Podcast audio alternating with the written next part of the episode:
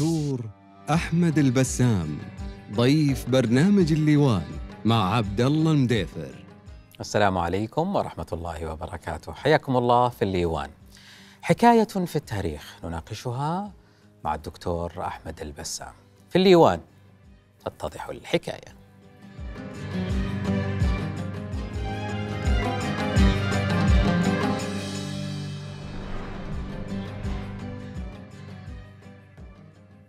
حياكم الله من جديد واسمكم مرحب بضيفي الدكتور أحمد البسام. حياك الله أبو بسام. حياكم الله. بسم الله الرحمن الرحيم. الحمد لله رب العالمين والصلاة والسلام على نبينا محمد وعلى آله وصحبه أجمعين. اللهم صل على أما بعد فأحمد الله سبحانه وتعالى وأشكره الذي يسر هذا اللقاء ثم أشكركم بارك الله فيكم على استضافتكم وعلى دعوتكم للمشاركة في فعاليات هذا البرنامج وأسأل الله تعالى التوفيق والسداد للجميع. إن شاء آمين. كلفنا عليك أبو بسام لا أبدا. بارك الله فيكم.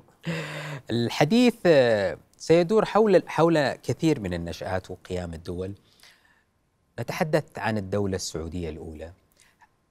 قبل بداية الدولة السعودية الأولى حدثني عن الظروف السياسية الظروف الاجتماعية. آه، في ذلك المجتمع قبيل قيام الدولة. نعم. لا شك أن الأوضاع في نجد بالذات كانت بحاجة إلى مثل هذه الدعوة وهذه الدولة. من أجل الأمرين معا تنقية شعائر الدين الإسلامي ما علق بها من البدع وكذلك أيضا توحيد هذه الإمارات المتناحرة. فالوضع في نجد قبل الدولة السعودية كانت آه، آه، الإمارات أو البلدان مقسمة كل بلدة فيها أمير. بل إن ابن بشر يتحدث عن التويم ويقول المربوعة. وهي بلدة صغيرة فيها أربعة أمراء في الشمال أمير وفي الشرق وفي الغرب وفي الجنوب.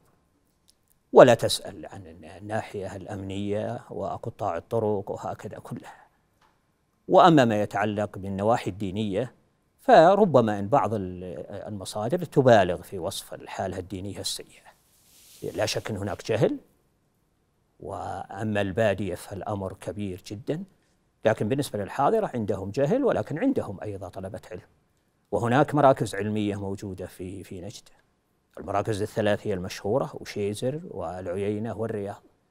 وهناك أيضا مراكز أقل منها ما يتعلق في حرمة وفي عنيزة. كلها كان هناك مراكز علمية أقل من المراكز الثلاث ولكن كلها قبل الدعوة الإصلاحية. لكن لا شك أن الدعوة الإصلاحية كان لها الفضل العظيم في انتشار التعليم ممكن أن يقال في كافة المدن وخاصة وأيضا تنقية شعائر الدين الإسلامي. وكذلك أيضا توحيد البلدان. أصبحت دولة واحدة دولة مساحتها يعني في النصف الثاني من القرن الثاني عشر وحدت نجد كلها أربعين سنة. بعدها بأقل من عشر سنوات المنطقة الشرقية كلها وبعدها بعشر سنوات الغربية ثم الجنوبية والشمالية. حتى أن مساحة الدولة السعودية الأولى أكبر من مساحة المملكة في الوقت الحاضر. مع أنه على كل حال المساحة في ذلك الوقت يعني ما هناك دقة مثل موجودة الآن في الزمن الماضي في الدولة السعودية الأولى إذا كانت القبيلة الفلانية تؤدي الزكاة للدولة السعودية مثلا فهذه القبيلة وكل أراضيها تكون تابعة للدولة السعودية. مع أن هذه القبيلة تتحرك أحيانا بحثا عن المراعي ومصادر المياه. يعني ال ال الأرضية كانت تحتاج إلى قيام دولة. لا شك. فكان الق- في هناك قبول وأكثر من قبول موضوع حاجة للدولة. لا شك. إلا ما يتعلق بأمراء البلدان لا يرغبون بقيام هذه الدولة التي ستلغي إماراتهم وستضمها. هو الحالة الدينية يعني كان هناك أكثر من من حديث. يعني هناك كلام على أنه لا في انتشار للشرك وفي قبر زيد بن الخطاب الناس تجيه وفي آه، شجرة أكثر من شجرة الناس تروح لها. يعني اختلفوا الناس في في مفهومين في مفهوم الجاهلية أو كلمة الجاهلية وفي مفهوم الشرك. إلى أي حد؟ العبا- العبادات ال- أو الشعائر التي تخالف العبادات العقائدية والتي تسمى بعضا منها شرك وتعلق بغير الله. وأيضا موضوع الجاهلية إلى أي حد الجهل منتشر في ذلك؟ اختلف الناس كثيرا أو المؤرخون بهذا الشيء. نعم صحيح. مسألة الاختلاط ببعض الشعائر الدينية بالبدع هذا موجود. ومسألة زيد بن الخطاب هم يقولون أبدا بأننا يعني هناك تبرك وكذا ولا تصل المسألة إلى حد الشرك.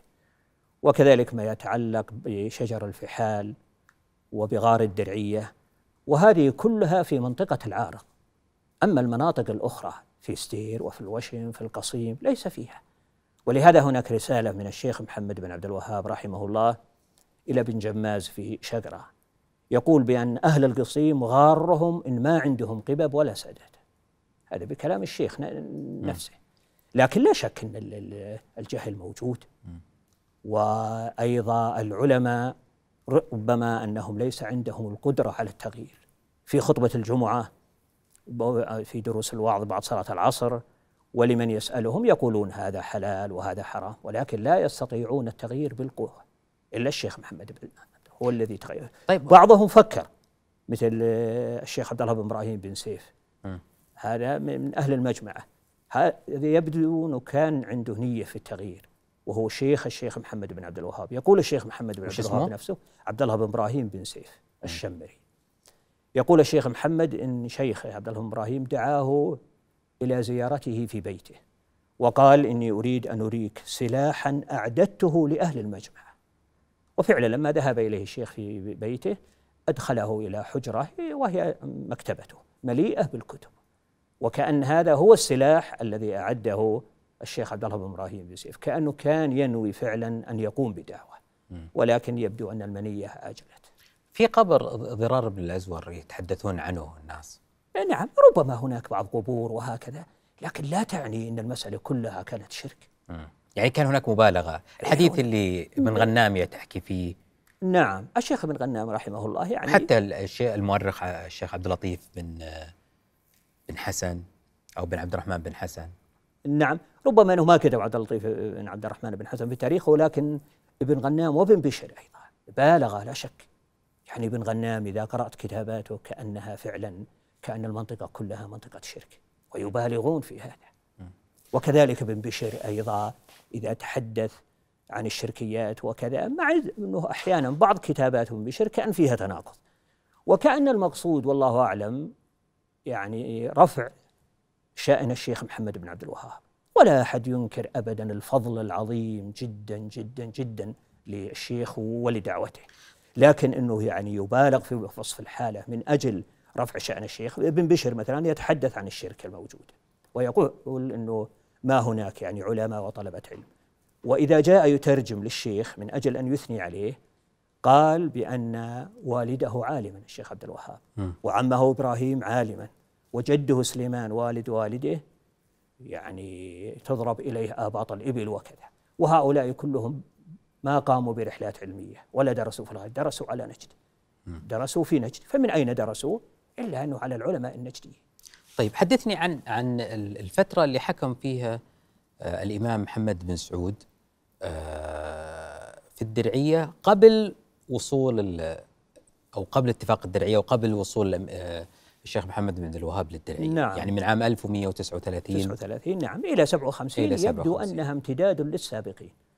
ودولة أو إمارة آل مزرن أو آل سعود بدأت عام 850 يعني استمرت أكثر من 300 سنة. وهي باقية ما تزيد. الدرعية زادوا عليها النعمية وأوصيل أخذوها من آل يزيد الحنيفيين. ولكن بقوا 300 سنة بدون زيادة. وربما والله أعلم لو لم يأتي الشيخ لبقيت على وضعها. لكن أراد الله سبحانه وتعالى أن يجتمع الإمام والشيخ وتكون اتفاقية الدرعية ويكون قيام الدولة.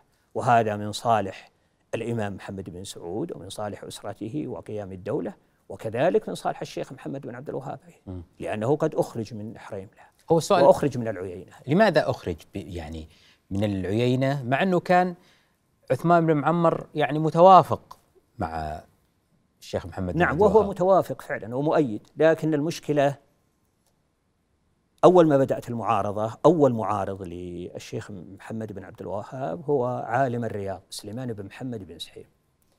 كتب رسالة هو معارض للدعوة كتب رسالة إلى علماء الأحساء وعلماء الحرمين وشدد فيها جدا على الشيخ. مما جاء فيها من سليمان بن محمد بن سحيم إلى من يراه من علماء المسلمين وخدام شريعة سيدي ولد آدم من الأولين والآخرين.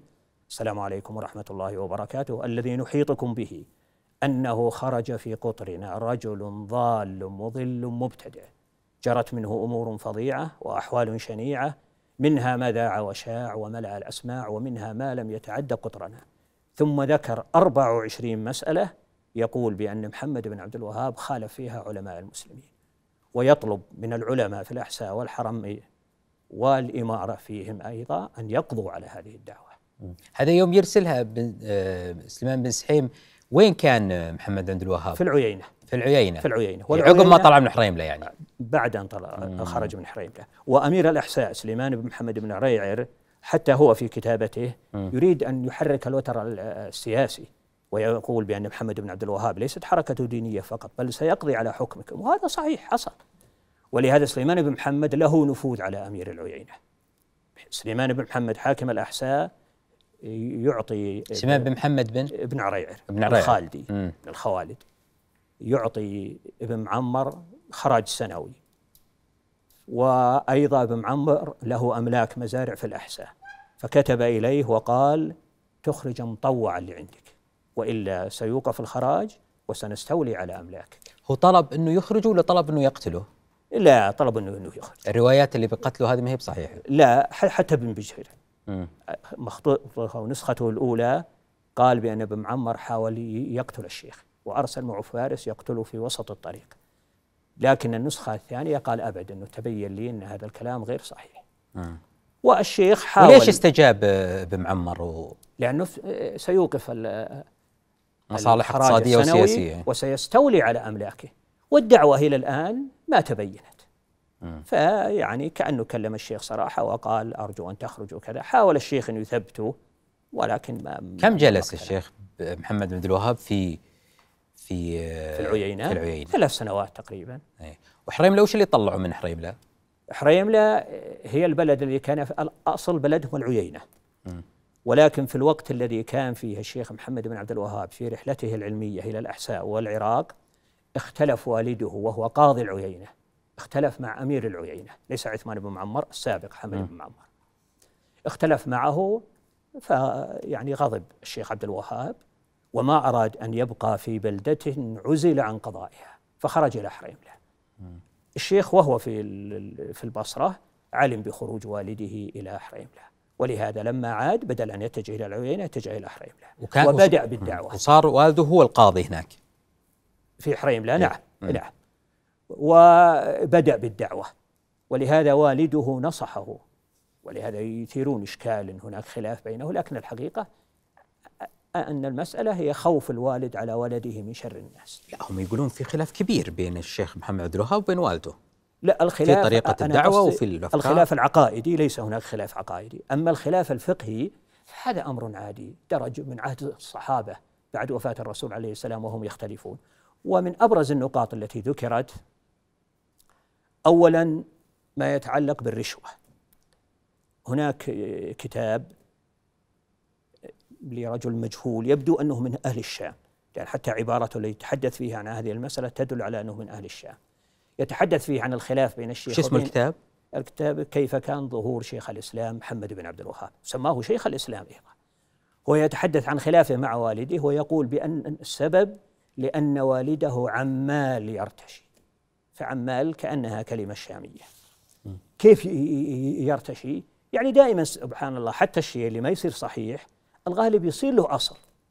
ما هو أصل هذا؟ أصله أن العلماء النجديين قبل الدعوة أغلب العلماء يرون أن القاضي إذا كان محتاجا فقيرا. وليس هناك راتب من بيت المال يحق له أن يطلب من المتخاصمين مبلغا معينا. ويقول لا أقضي بينكما إلا بجهل هذا يحق له. أغلب العلماء ومنهم والد الشيخ الشيخ عبد الوهاب يرى أن هذا جائز. لكن الشيخ محمد لا يرى أن هذه رشوة.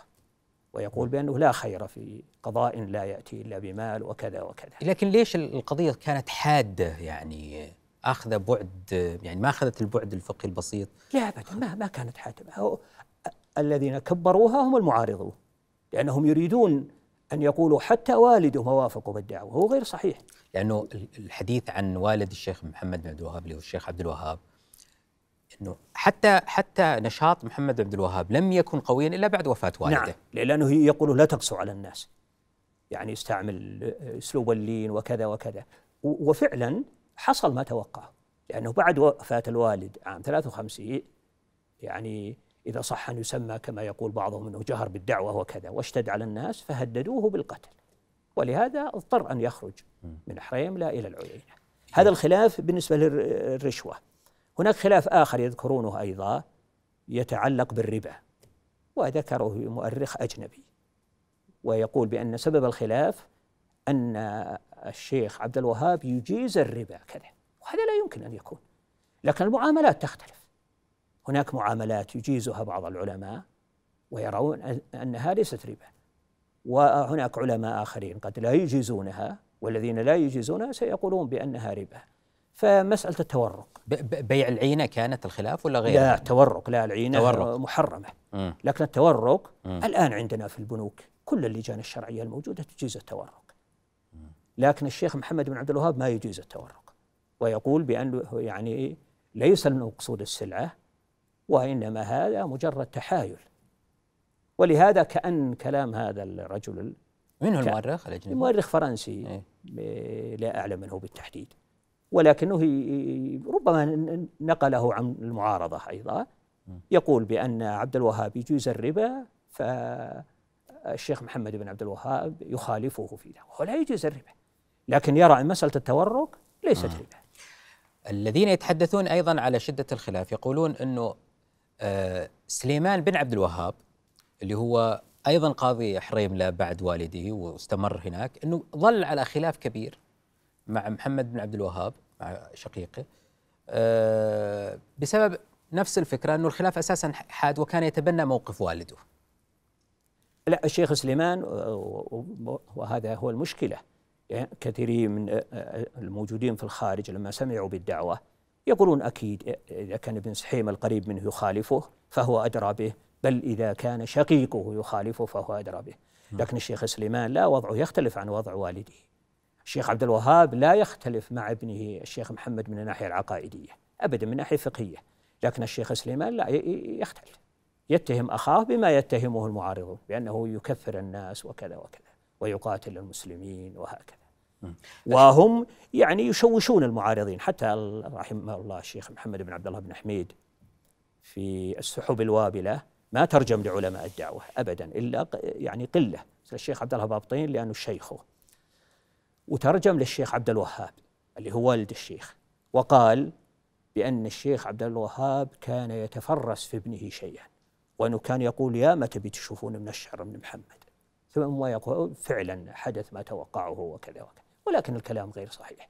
أبدا الخلاف فقهي والخلاف الفقهي هذا موجود من عهد الصحابة وسيستمر إلى قيام الساعة. اساسه أما- على هالمسألتين على. هالمسألة وحتى لو كانت ثلاثة وأربع إنما مسائل فقهية وليست عقائدية.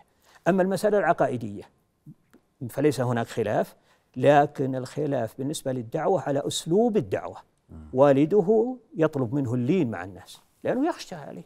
وطبيعي أن الوالد سيخشى على ولده من شر الناس. عام 1157 ليس عاما عاديا هجريا هو حدث فيه اتفاق ما يسمى باتفاق الدرعية بين الشيخ محمد بن عبد الوهاب وبين محمد الإمام بن محمد بن سعود. حدثني عن عن هذا الاتفاق وطبيعة هذا الاتفاق وواجبات وشروط كل واحد منهما على الآخر.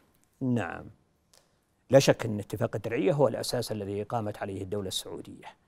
ولكن مع الأسف يعني يبدو أنه نص الاتفاق غير موجود حسب ما أعلم.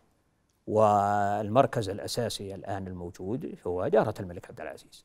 ولا أظن موجود نصوص. لكن الموجود الآن عند ابن غنام وابن بش وابن بشر هما الشرطان اللذين اشترطهما الإمام محمد بن سعود على الشيخ محمد بن عبد الوهاب هو إيه. يبدو الاتفاق إيه. على أساس إقامة الدولة الإسلامية على مبادئ الدعوة الإصلاحية التي هي مبادئ الدعوة الإسلامية. آه ما فيها شيء. لكن الإمام محمد بن سعود اشترط على الشيخ محمد بن عبد الوهاب شرطين. الشرط شرط. الأول الأول. ألا يخرج من الدرعية. يبقى عنده. ما يقول بعد أنه سيرجع إلى العيينة بلدته وهكذا.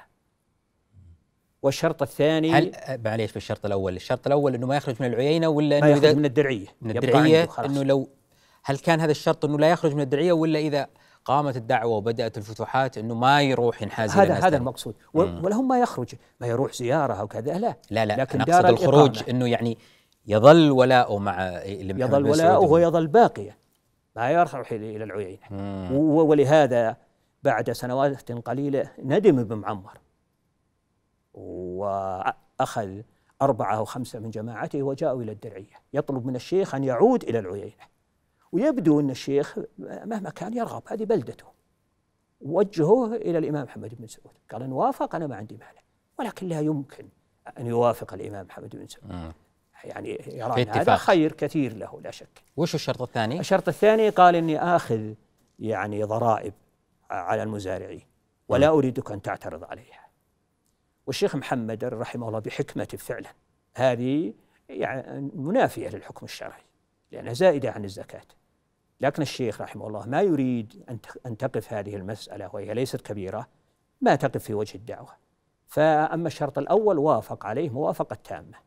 أما الثاني ما قال أوافق لكن قال لعل الله يعطيك من الغنائم ما يكفيك عنها يعني هذه فيها موافقة ضمنية يعني موافقة نعم لا هو موافق بس إنه ما وافق بحيث إنه مثل الاتفاق على النقطة الأولى واضح إنه ما يعني وافق بدون حرمة. مثلاً؟ أما هذه لا يقول بانها ما تجوز. لكن يقول إن شاء الله إن الله يغنيك وما تأخذها. هناك حديث على دور قامت به زوجة الإمام محمد بن سعود اللي هي ميض موضي بنت أبو وطبان. وهطان نعم. وطبان. وطبان ولا نعم. وهطان؟ ووطبان وهي يمكن وهطان ووطبان. أحيانا نعم. إيه. فلا هذه بارك الله فيك بالنسبة لاستقباله بس. لأن الشيخ مع أنه روايات كثيرة. هل هو اتجه إلى الدرعية بدون سابق كتابة واستئذان من الإمام محمد بن سعود؟ اللي تقوله هذا بارك الله فيك كأنه بدون استئذان من الإمام محمد بن سعود. وإنه اتجه إلى بيت بن سويلم محمد بن سويلم تلميذه. مم. ودخل محمد عنده سويلم العريني. ال- نعم. مم. واللي ابن عبد العزيز جاء إلى بريده وهو مؤسس الحركة التعليمية في بريده. فعلم الإمام محمد بن سعود. وكأنه زوجته يتحدث وقال أبدا أنا مستعد يعني أساعده وكذا وأسمح له أنه يأتي عندي. قالت لا المفروض أن تذهب أنت إليه. فهذا إعزاز له أمام الناس. وهذا رأي رشيد لا شك.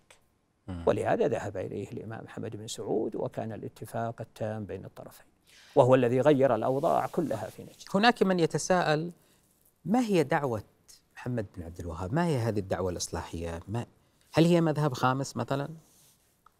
نعم هي على كل حال حتى كلمة مذهب خامس إيه، هذا معناه أنها ست- ستكون فقهي لأن المذاهب الأربعة المقصود بها المذاهب الفقهية وإلا المذاهب الأربعة كلها من ناحية العقيدة واحد لكنهم يقولون مذهب خامس كأنه شيء جديد لكن الحقيقة أنها هي مبادئ الدعوة الإصلاحية ولهذا يعدون مبادئ الدعوة التوحيد وهذه معروفة توحيد الربوبية والألوهية. لكن الشيخ محمد بن عبد الوهاب يختلف مع بعض العلماء النجديين والذين في الخارج أن توحيد الربوبية لا يكفي. بعضهم يقول توحيد الربوبية وتوحيد الربوبية هو توحيد الله بأفعاله هو الله سبحانه وتعالى الخلق والرزق والإحياء والإماتة. فيرون أن الذي يقول الله ربنا كافي. لكن الشيخ محمد بن عبد الوهاب يقول لا لا بد من توحيد الألوهية أيضا وتوحيد الألوهية هو توحيد الله بأفعال العباد التي تعبدهم بها مثل الاستعانة والاستغاثة. ولهذا الشيخ محمد يقول بأن كفار مكة يؤمنون بتوحيد الربوبية.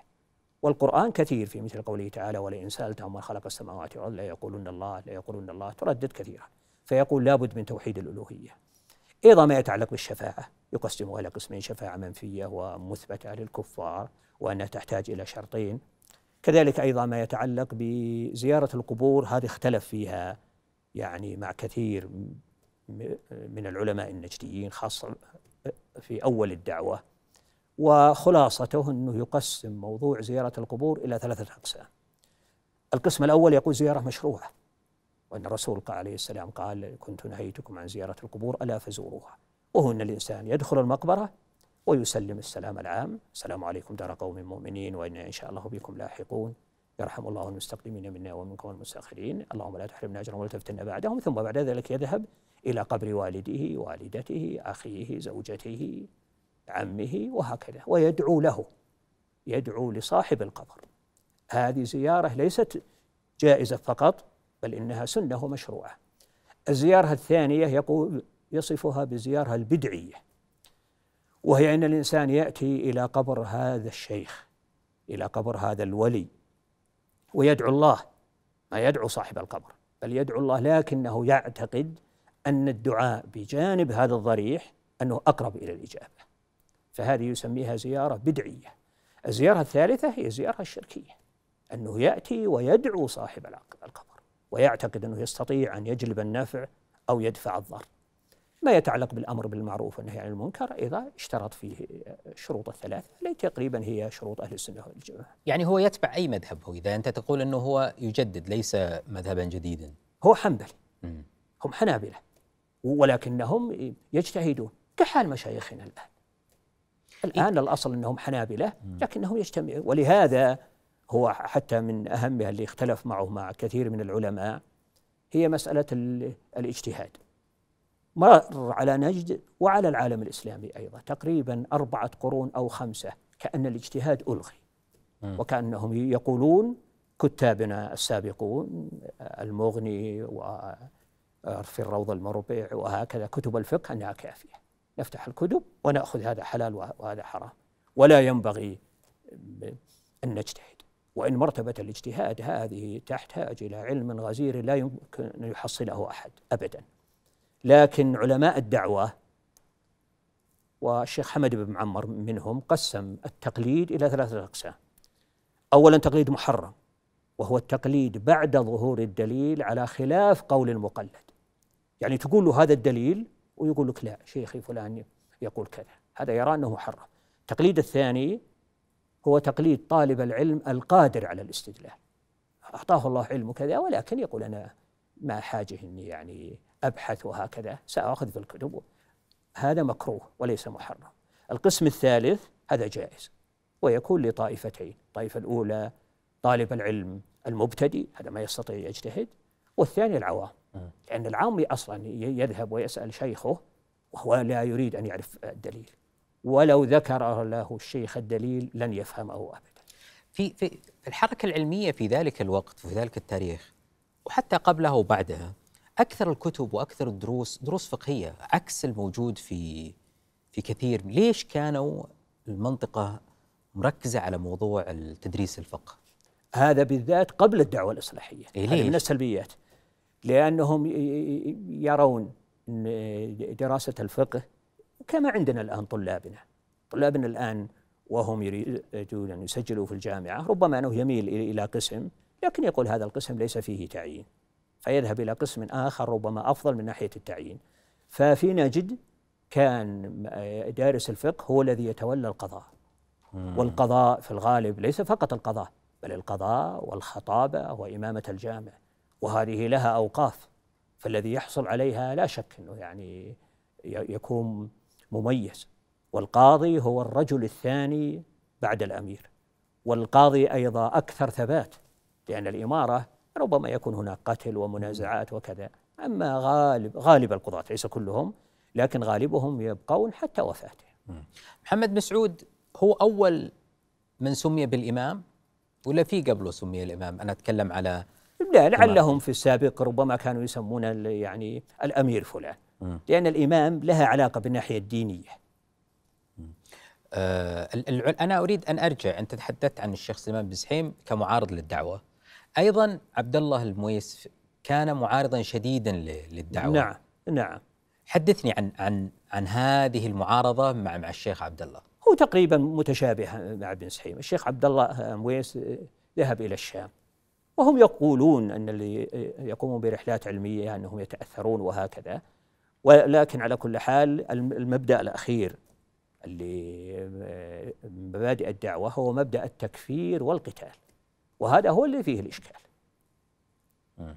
لأن يعني مسألة التكفير والقتال عرض كثير من علماء نجد. قال ما يمكن تكفير الناس ولا يمكن قتالهم. والشيخ يرى أنه لا يكفر إلا من هم يستحقون التكفير. فالشيخ عبد الله بدأ يعارض ويكتب كتابات أيضا مع أنه مع الأسف في وقتنا الحاضر يعني مر على الناس وقت في القرن الثالث عشر والنصف الأول من الرابع عشر وأحرقت كل كتب المعارضة. إلا قليلا منها الآن موجود في المكتبات الخاصة. فهناك كتابات كثيرة ويستفاد منها حتى أحيانا من الناحية التاريخية. لكن الذي حصل أنها أحرقت. عبد الله مويس له كتابات معارضة وفيها قسوة حتى من الطرفين. أنا هذا سؤالي أنه هل معارضتهم هل هي كانت فعل فقط لخلافات فقهية وعقدية ولا الموضوع أبعد من كذا؟ هي هناك تهديد للمكانة السياسية أو المكانة الاجتماعية والدينية فإنه إذا ظهر هذا الشيخ سيقضي علينا. هل كان هدف هذا البعد؟ أو كان بعد آخر أنه هو بعد سياسي أنه آه، انتصارا ل لأمرائهم الذين هم موجودين عندهم. هناك أسباب غير موضوع الخلافات الفقهية. نعم هي خلافات عقائدية ليست فقهية. الفقهية أمرها سهل لكن خلافات عقائدية على التكفير وعلى القتال. وربما الشيخ عبد الله مويس ما له علاقة الآن. أنا ما أتكلم لأنه توفي في فترة. لكن اللي تشير له بارك الله فيك مسألة الغيرة أحيانا والحسد. هذه يقول بها الشيخ محمد بن عبد الوهاب في تفسيره لتغير موقف سليمان بن سحيم. سليمان بن سحيم أيد الدعوة. اللي آه، آه، قلت جزء من رسالته الشديدة هذه. كان مؤيد ثم بعد ذلك عارض. هو آه، الشيخ سليمان بن سحيم يقول أنا فعلا أيدت الدعوة من ناحية المبدأ. لكن لما وصلت المسألة إلى حد التكفير والقتال عرضت لكن الشيخ محمد هذا هو الشاهد فيما تقول بارك الله فيك إنه مسألة يعني حسد وغيره. يسميه بالبغي وكأنه يفسر موقف الشيخ سليمان بن محمد بن سحيم بمعارضة الدعوة أنه خوف على مركزه الديني والاجتماعي في الرياض. كيف يكون خوف؟ يقول إن الناس في الرياض سيقولون له لابن سحيم إنك أحد أمرين وكليهما مر.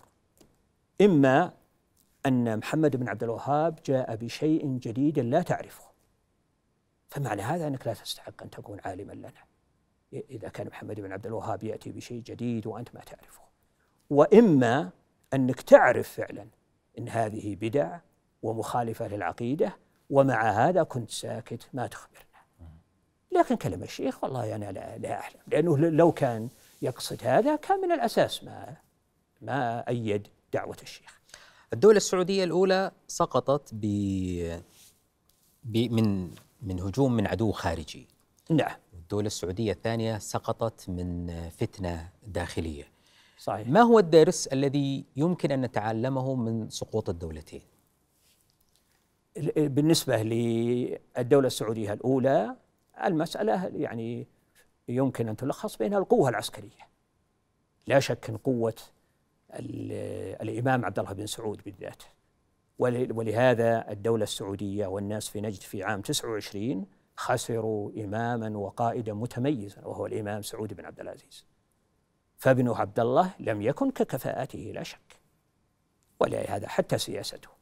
لأنه عندما جاء طوسون وحصل صلح الرس في عام ثلاثين ورجع بدأ يؤدب رحمه الله اللي هو الإمام عبد الله بن سعود يؤدب بعض البلدان ومن بينها الخبرة وغيرها. وكان لابن دهيمان موقف في هذا فأكثرهم يعني بدأ لا يؤيده. ولهذا كان الضعف. ولهذا يعني نحن كمسلمين الآن نرى أنه ينبغي أن يتوفر شرطين الإيمان والتمسك في الدين هذا شيء وكذلك القوة العسكرية أيضا لا بد منها. يمكن تقول لا وكان حقا علينا نصر المؤمنين ونحن مؤمنين ما يمكن. لابد أن يكون الأمرين كليهما. ولهذا في أحد القوة كانت موجودة لكن اللي حصل مخالفة الرماة لأمر الرسول عليه السلام. فأراد الله سبحانه وتعالى أن يؤدبهم فكانت هزيمة المسلمين. لأنه اختلف لم يسمع خالف أمر الرسول عليه السلام. خالف الرسول. وفي حنين لكن أراد الله مباشرة لكنهم اغتروا. حتى قال بعضهم لن نغلب اليوم من قلة. ونزل قوله تعالى ويوم حنين إذا أعجبتكم كثرتكم فلم تغن عنكم شيئا وضاقت عليكم الأرض بما رحبت هذا في أحد يعني القوة العسكرية موجودة لكن حصل الخلاف. في مثلا ممكن يؤخذ مثال على هذا سرية مؤتة. سرية مؤتة كان عدد المسلمين ثلاثة آلاف فقط وعدد جيش الروم والغساسنة أقل تقدير مئة ألف. وإلا الرواية تقول 150 ورواية تقول 200 وهم من الناحية الإيمانية مكتملة الأمور. لكن آه، الله سبحانه وتعالى وضع نواميس بالأرض ما يمكن ثلاثة آلاف سيقاتلون مئة ألف. وإلا الله سبحانه وتعالى أمره بين الكاف والنون لو شاء لنصرها لكن هناك نواميس في الأرض تبقى. مهما كانت درجة الإيمان وكذا ما دام أن العدد قليل إلى هذه الدرجة. ولهذا حتى الإنسان المسلم أول الأمر لما كان في الشدة مطلوب منه أن يقاتل عشرة لكن هؤلاء إذا كانوا ثلاثة لو كانوا مئة ألف فقط فالواحد سيقاتل ثلاثين. وأول الأمر كان شرعا مطلوب من المسلم أن يقاتل عشرة. ثم بعد ذلك خفف وطلب أن يقاتل اثنين. الله سبحانه وتعالى يقول يا أيها النبي حرض المؤمنين على القتال إن يكن منكم عشرون صابرون يغلبوا مئتين. وإن يكن منكم مئة يغلبوا ألفا من الذين كفروا بأنهم قوم لا يفقهون. ثم قال الآن خفف الله عنكم وعلم أن فيكم ضعفا. فإن يكن منكم مئة صابرة يغلبوا مئتين وإن يكن منكم ألف يغلبوا ألفين بإذن الله والله مع الصابرين. فالقوة الإيمانية وحدها لا تكفي ولهذا لا بد من الأمرين القوة العسكرية والقوة الإيمانية. ففي الدولة السعودية الأولى لا شك أن القوة العسكرية كانت أقل. وإبراهيم باشا يملك أسلحة ومدافع ما يعرفها حتى لو وضعت عندهم هذه هذه المدافع ربما ما عرفوا يشغلوها. هل هل تعرضت الدولة السعودية الأولى إلى هجوم خارجي أيضا من والي بغداد؟ الرواية دي صحيحة؟ لا تعرضت من والي نجران في عام 78 م. وفي عام 89 وفي عام 78 فعلا آه، انتصر حسن بن هبة الله المكرومي وقتل 400 من أهل الدرية وال400 هذا عدد كبير جدا ولكن آه، أراد الله تصالحوا معه ورجع. وأما ووالي بغداد حارب الدولة السعودية أرسل قوات في عام 11 وقتل القائد الثويني في بداية عام 12 ثم في العام التالي عام 13 جاءت حملة بقيادة علي باشا. ولهذا الدولة العثمانية يعني كانت تتخوف فعلا ولكن ما عزمت على القضاء على الدولة السعودية حتى أن الدولة السعودية أخذت مكة والمدينة. وهذا ما لا يمكن أن يصبر عليه السلطان العثماني. واللقب خادم الحرمين وحامي حمى الحرمين عند السلطان أمر مهم. لكن إيش تفسر يعني الشناعة التي أتى بها هذا العدو العثماني بهذه يعني كانت عمليات القتل اللي صارت في الدرعية؟ كانت وما وما حدث للإمام عبد الله في الأخير. كانت عمليات قاسية جدا. إيش تفسيرك لهذه الحدة؟ يعني ما هذه اجتهادات من القادة أنفسهم وهم يريدون أن يقضوا على الدولة حتى لا تقوم مرة ثانية ولهذا أخذوا أعداد كبيرة من آل سعود ومن آل الشيخ باعتقادهم إنها لن تعود. لكن يعني بحمد الله ربما لم تستمر إلا سبع سنوات. وعادت عام 33 إلى 40 ولهذا هذه الحقيقة أنها ميزة للدولة السعودية سقطت مرتين وتعود هذا دليل على أن النجديين يرغبون فعلا في الدولة السعودية. ولهذا آه، هناك وصية لعبد الرزاق الجويعي من أهل الزلفي. في عام 99 1299 أوصى بثمان ضحايا من بينها ضحيتين واحدة للإمام محمد بن سعود وأبنائه ما بقوا على الدين كما يقول والثانية للشيخ محمد بن عبد الوهاب وأبنائه ما بقوا على الدين. وإذا كانت عام 99 ما يأتي أحد ويقول هذا قصده مجاملة للحكام. عام 1299 الدولة ضعيفة جدا جدا ومنتهية. لكنه هذا لمحبته للدولة. فمسألة إعادة الدولة هذا ربما في التاريخ. يعني مثلا بالنسبة لآل الصباح في الكويت فعلا سبعة أشهر خلى الحكم لما نزلت القوات العراقية في الكويت. وعادوا بعدها. وربما في أسبانيا في عام 32 ميلادي فرانكو قام بثورة وكأنه ألغى الحكم الملكي. ولكن بعد هلاكه في عام 75 على ما أتذكر أعادوا الحكم الملكي فتولى خوان كارلس. فهي نادرة عودة الحكام لكن بالنسبة للدولة السعودية أبدا. أي بين الدولة السعودية الأولى سبع سنوات وبين الدولة السعودية الثانية والثالثة عشر سنوات من عام 1309 إلى 1319 في الفتنه موضوع الفتنة في اللي حدثت نعم. في الدور في الدولة الثانية. نعم هذه عاد لا شك أنها هي المصيبة الكبرى لأنه كونه عدو خارجي هذا الأمر واضح لكن كونها تحدث فتنة هذه مصيبة. والأمر واضح إنه سيكون هناك انتهاء خاصة إذا لم ينجح أحد الطرفين. لو أن الأمير سعود بن فيصل نجح مثلا في ثورته مباشرة وتولى الحكم ربما انتهت المسألة.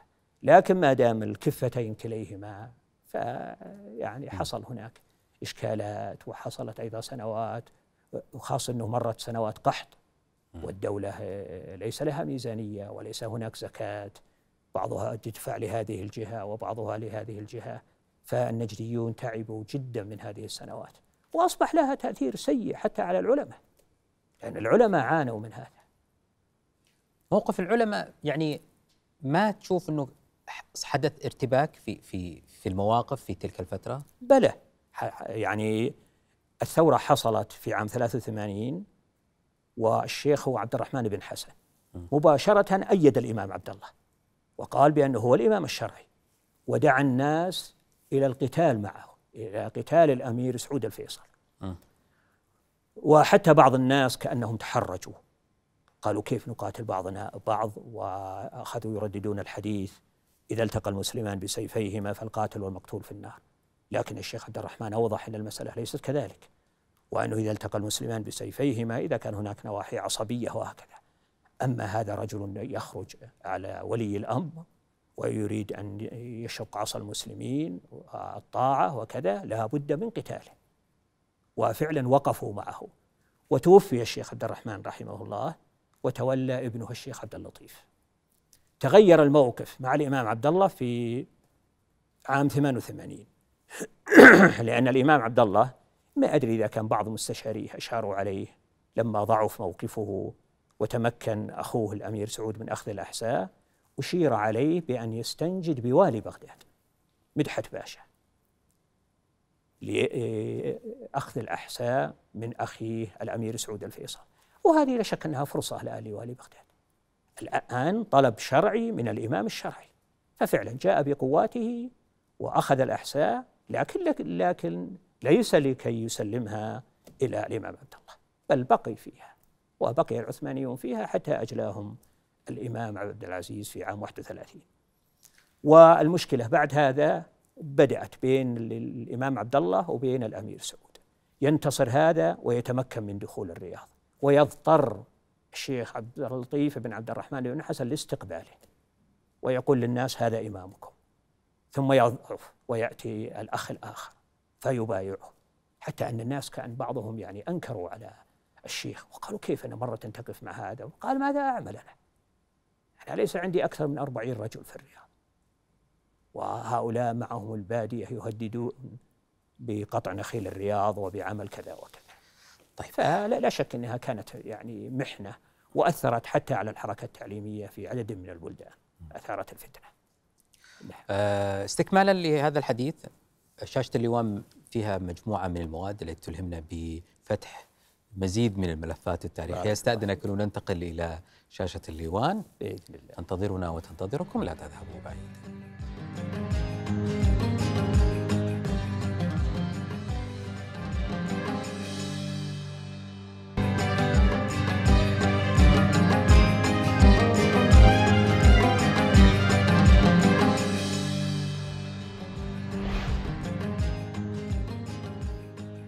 حياكم الله في شاشة الليوان.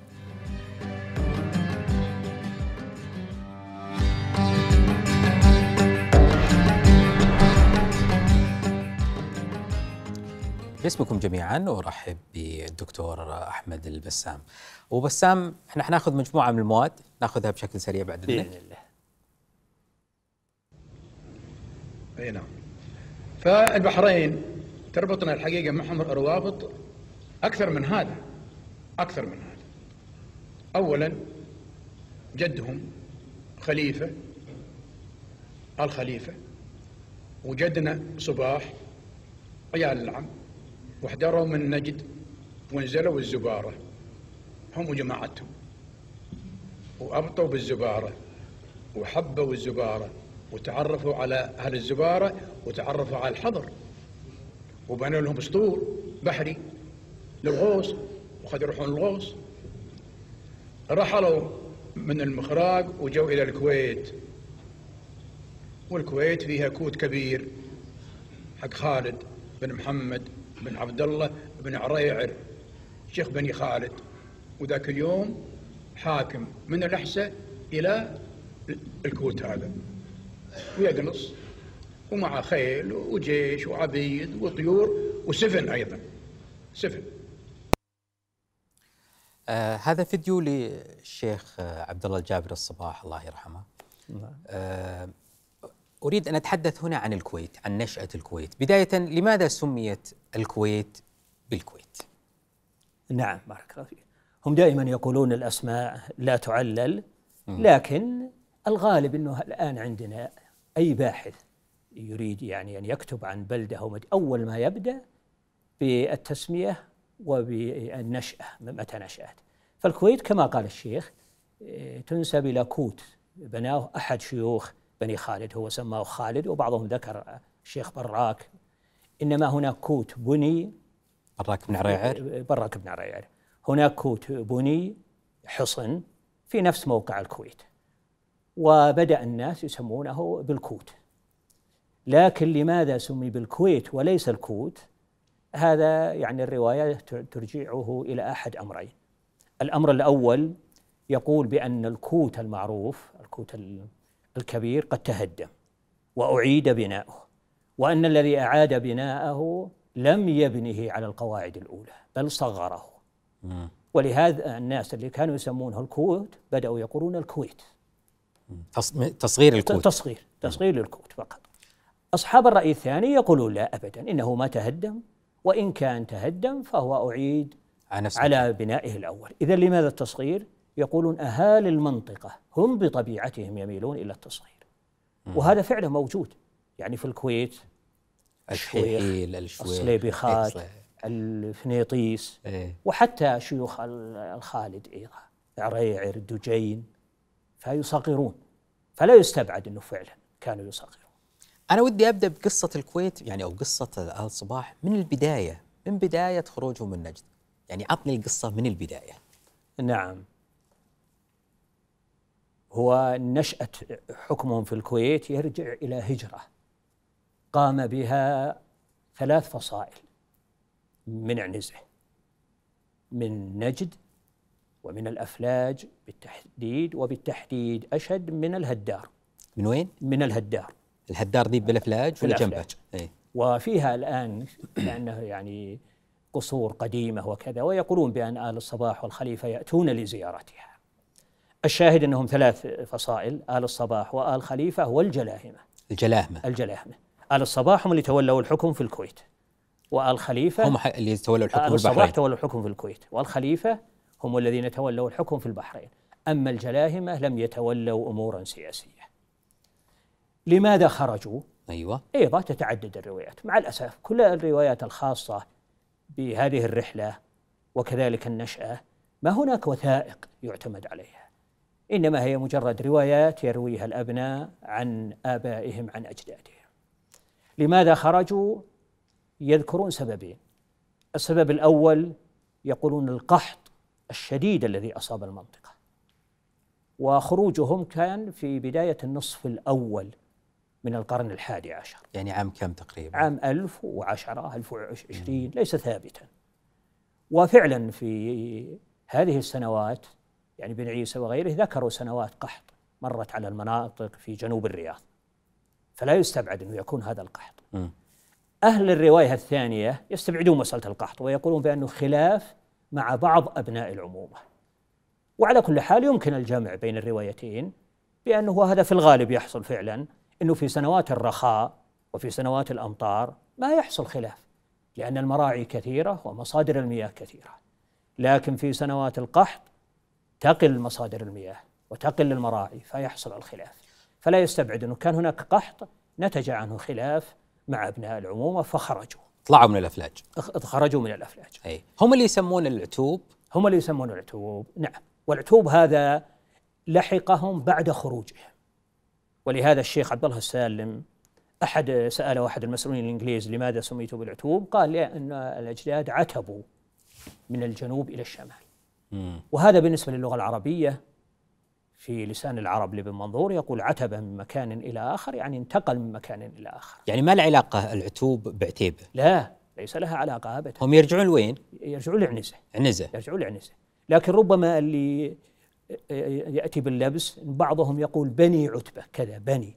وهم لا يسمون بني عتبة يعني هم العتوب ما ما, ما يقال إنه العتوب لأنهم عتبوا على بني عمهم هذه ما تجي لا. لأنهم عتبوا من منطقة إلى أخرى لأنهم لا. عاتبوا أبناء عمومهم عاتبوا. نعم هذه الروايه الثانية كأن تؤيد وجود الخلاف. يقولون أصحاب هذا الرأي إن الفصائل الثلاث سميت بالعتوب لأنهم عاتبوا أبناء عمومتهم الذين كانوا سببا في إخراجهم وهالثلاثة ذولا كلهم من عنزة. كلهم من النساء كلهم من فخذ جميلة كما يقولون. آه يعني كلهم عيال عم. كلهم عيال عم متقاربين جدا. ومتق... على طاري ال- ال- العنزه والآن آه، في يعني حديث كثير إنه آل سعود يرجعون لعنزة. وهل هؤلاء آه، كلهم يرجعون إلى وائل؟ هل بنو حنيفة؟ أنا ودي تفصل لي في هذا النسب نعم. لا بارك الله فيك ربما يشيع عند بعض الناس. إن آل سعود من عنزه وهم ليسوا من عنزه هم من بني حنيفة. بني حنيفة. لكن عنزه وحنيفه يرجعون إلى وائل. مم. لكن لا يمكن أن تقول الحنيفي إنه عنزي. الحن- الحنيفي ما هو بعنزي والعنزي ما هو ليس بحنيفي مم. لكن كلهم لكن يرجعون كليهما وائلي. كلهم وائليين. كلهم من وائل. نعم. فلا علاقة لهم بهذا. نكمل الرحلة. طلعوا. نعم. ذهبوا. وهم لا يدرون يعني لا يقصدون الذهاب إلى الكويت. بل هؤلاء الذين خرجوا ليسوا هم الذين وصلوا إلى الكويت ولا ابنائهم يبدو أبناء أبنائهم. هؤلاء خرجوا إلى الأحساء. عددهم واجد؟ 100 سنة تقريبا. لا أعدادهم واجد؟ ما غير معروفه الاحصائيه ولكن يبدو إنهم زادوا فعلا في الأحساء وفي قطر. هم أول شيء راحوا لوين؟ إلى الأحساء. الأحساء. وبقوا فيها فترة غير محددة. ثم اتجهوا إلى قطر كما يقول الشيخ قبل قليل. وبقوا فيها ثلاثين أو أربعين سنة. أوه. هي التي تعلموا فيها البحر فعلا. وإلا هم من نجد لا يعرفون البحر. لكن في بقائهم في قطر تعلموا. كانت تسمى قطر قطر ولا الزباره ولا؟ لا قطر. زوارة جزء من قطر. مم. لكن تسمى قطر. وبقوا فيها هذه المدة لكن حصل إشكال بينهم وبين أهالي قطر. لأنهم يقولون بأن أحد العتوب قتل أحد القطريين وهذه رواية يحصل فيها بعض التناقض لأنه كانوا يفهم منها أولا أن القطريين طلبوا منهم الخروج فخرجوا.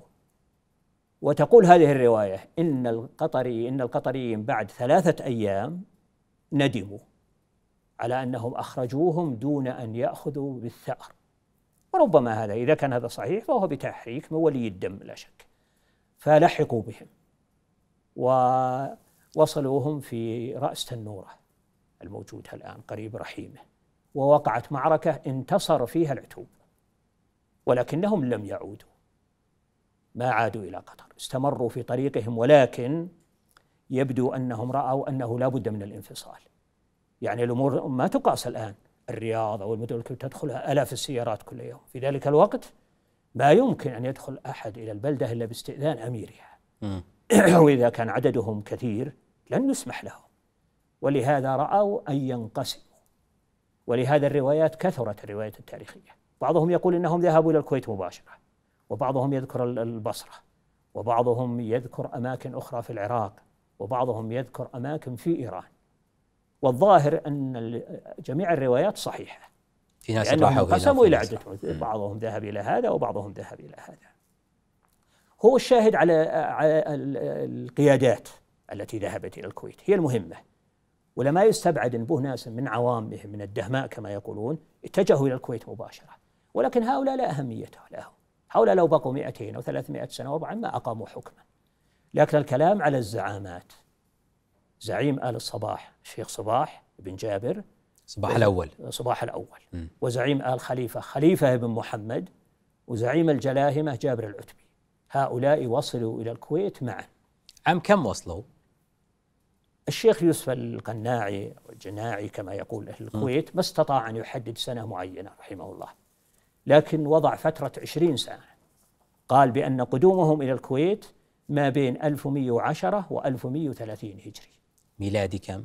هجري ميلادي تقريبا 1745 إلى 65 في وثيقة هنا دكتور الشيخ مبارك الصباح عام 1912 وضح آه قال هو في اتفاقية الإنجليزية للتركية عام 1913 تسوية الخلافات المتعلقة بين الدولتين واستهل الشيخ مبارك بيانه بعبارة الكويت أرض قفراء نزلها جدنا صباح عام 1022 هجرية الموافق 1613 1700 1613 لا غير صحيح هذا. لا لا هم هم ما, ما خرج في هو وصولهم كان في 1700 يعني خلال العشرين سنة هذه. م.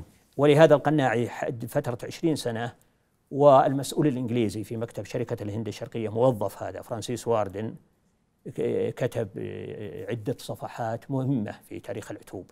ابتدأها بتاريخ الوصول وحددها بسنة معينة.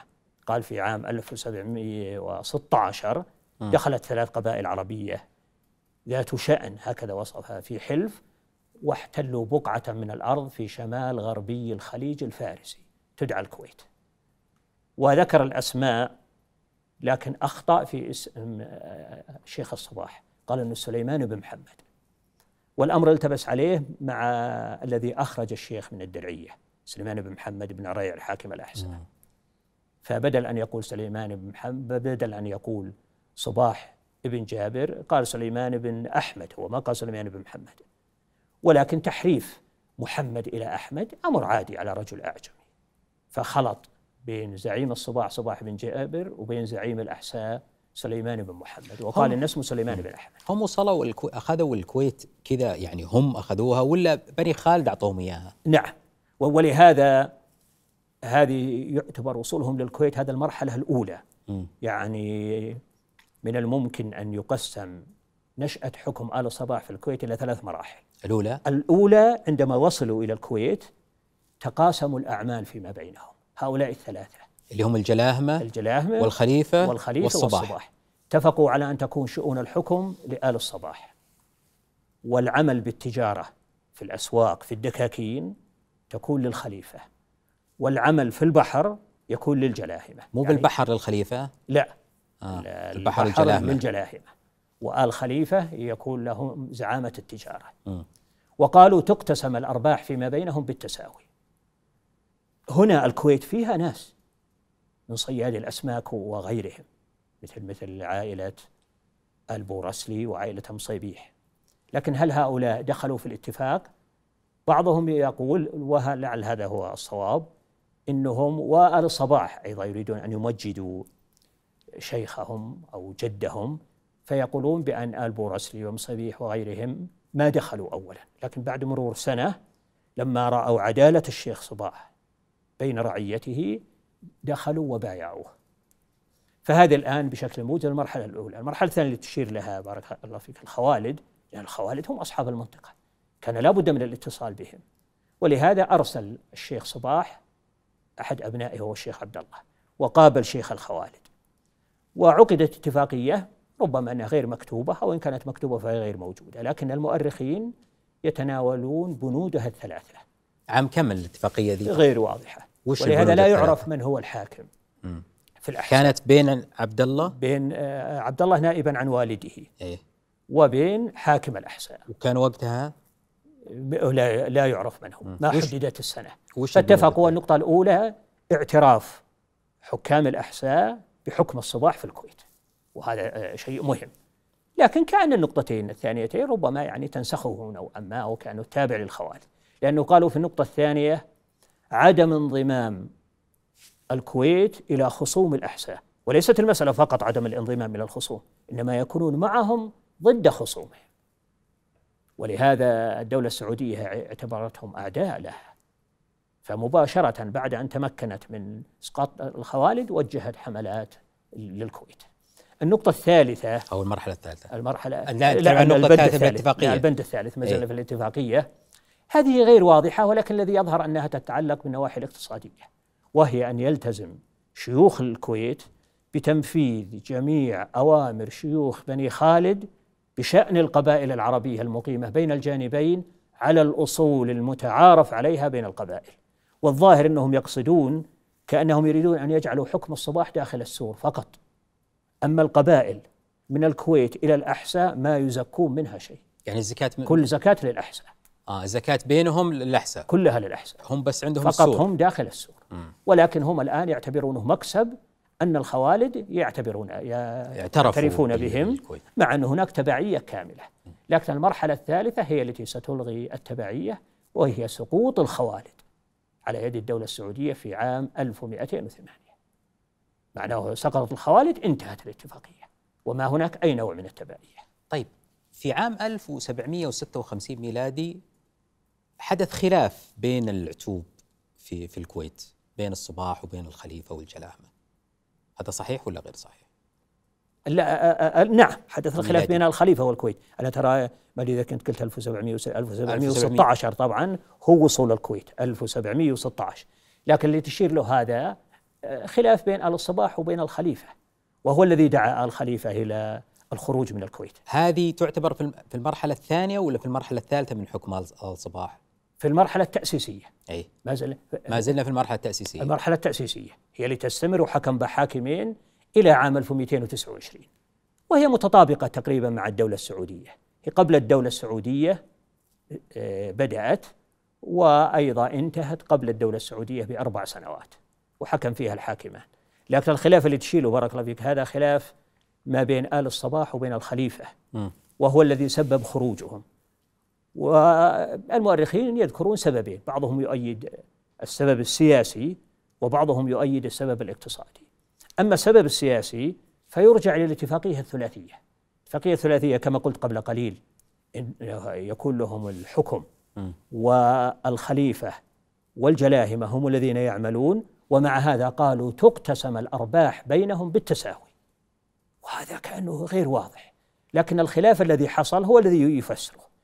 الذي يظهر أنهم اتفقوا بهذا الشكل وعلى أن يتولى الشيخ صباح لمرة واحدة.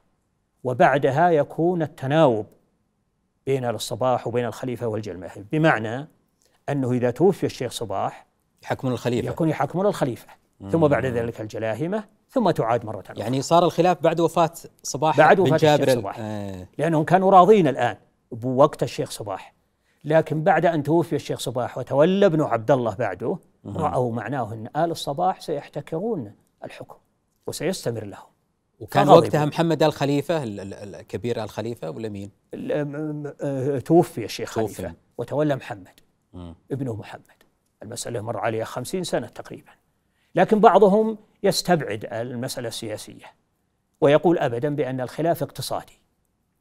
وممن يرى هذا الرأي فرانسيس واردن الذي سبق الإشارة إليه الذي كتب عن وصول العتوب إلى الكويت تحدث عن هذه المسألة وقال يعني نص كلامه يقول بأن تكدس الثروة جعل الجماعة المسؤولة عن التجارة يبدون رغبة في الانفصال لكي ينفردوا بذلك الثراء الضخم الناتج عن هذه التجارة. هم قبل خمسين سنة حدود عام ثلاثين أو تسعة وعشرين وقعت الاتفاقية في سنوات العشر الأولى والعشرين المكسب قليل. ولهذا إذا أعطوا أبناء عمومتهم يعني شيء قليل يعتبر. لكن بعد أن مرت أربعين والآن خمسين سنة المكاسب كبيرة. ويرون أنهم بموجب هذه الاتفاقية ملزمين بأن يعطوا أبناء عمومتهم. إذا ما هو الحل؟ قال والحل هو الخروج من الكويت وإذا خرجنا من الكويت الاتفاقية تنحل يعني أوتوماتيكيا وتلقائيا ذكرت بعض الروايات إنه فيه آه، عرب بني كعب كانت فيه مشكلة نعم. وهجوم نعم عليهم وبالتالي هنا كان جزء من الخلاف بين آه، الخليفة وال صباح في ذلك نعم الوقت هذا من الممكن أن يسمى سياسي وممكن أن يكون سبب خارجي وش بني كعب القصة؟ هؤلاء اي وش كعب؟ يفرضون ضرائب على الكويت واختلف آل الصباح وآل خليفة بشأن هذه الضرائب. آل صباح يميلون إلى المداهنة ويقولون قوتنا ليست ندا للكعبيين. كعبيين وين كانوا يحكمون؟ في منطقة عربستان والتي استمروا فيها حتى أخرجهم الإيرانيون بالقوة وأسروا الشيخ خزعل عام 1925 تسمى الأحواز. الأحواز. واللي لها الآن تقريبا 95 سنة وهي بيد الإيرانيين. م. فالشاهد أن آل الصباح يميلون للمهادنة ويقولون ما لنا وما للمشاكل ما دام مبلغ معين يعطى إياهم. لكن آل خليفة يخالفونهم يقولون نحن الذين نتعب في المال. أنتم لن يهمكم. فهذا من الأشياء لكن ليست هي الأساسية. إيه. وليبدو ما يمكن أن تقول أنه إما سياسي أو اقتصادي. لا يبدو السياسي والاقتصادي كلها لأنه الظاهر أنه لو كانت المسألة فقط سياسية واحتكروا الحكم آل الصباح لكن الأرباح يأخذها آل خليفة لهم ربما لرضوا أو لو كان أخذوا الحكم لا مانع عندهم أن يعطوا قسما من المكاسب لأبناء عمود لكن أن يجتمع الأمرين آل الصباح يحتكرون الحكم وآل خليفة تؤخذ منهم قسم من الأرباح ما وافقوا على هذا. موضوع الجلاهمة آه، الخليفة واضح أنه وين كملوا لكن الجلاهمة وين وش صار عليهم؟ موجودين في الكويت وعندما خرج الخليفة لأن الخليفة بنيجي الخليفة. ممكن أن يشار بشكل موجز لقيام إماراتهم. بنيجي الخليفة نعم. لكن أنا يهمني الحين الجلاهمة باقين في الكويت. إيه. لكن بعد أن خرج الخليفة لحقوهم. وهذا شامل لكل الرحلات التي حصلت. لا يعني أن الجميع عندما خرجوا من الهدار ما يعني إن كلهم أبناء عمومتهم؟ هناك رجال كبار في السن. ونساء كبار في السن ومرضى هؤلاء لم يخرجوا. عندما ذهبوا إلى الأحساء ثم اتجهوا إلى قطر لا يعني أن الجميع خرجوا. كذلك من قطر. وش اللي طلعهم من الأحساء إلى لابد هناك إشكالات تحصل. قطر؟ في قطر؟ لا قطر قلتها بس قالوا بأنه قتل أما الأحساء فغير واضحة. ربما أنهم رأوا أنه في قطر سيكون أفضل وهكذا. الجلاهمة مين العوائل اللي من الجلاهمة موجودة في الكويت من من, من أشهر العوائل عائلة النصف. آه. هذه موجودة في الكويت وفي البحرين. وقسم منهم في قطر أيضا. ترجع للجلاهمة يرجعون للجلاهمة نعم أبى أشوف معك فيديو آخر بعد إذنك. تفضل. هنا كانت تقوم دلمون قبل خمسة آلاف سنة حيث كانت المركز التجاري للعالم المعروف آنذاك. واليوم فإن دولة البحرين ليست مجرد مركز للتجارة والاتصالات في الشرق الأوسط فحسب بل هي صلة هامة بين العالم العربي وبقية أرجاء العالم كما نعرفه اليوم. الناس الذين يرقدون تحت هذه الرمال كانوا تجار الجزيرة الأصليين وتحت أنقاض القلعة البرتغالية التي تعود إلى القرن السادس عشر يعتقد علماء الآثار أنهم قد عثروا على موقع العاصمة والميناء دلمون وكان قاع البحر مصدر الدعامة الرئيسية لاقتصاد البحرين حتى مطلع القرن الحالي حيث كان اللؤلؤ يستخرج منه.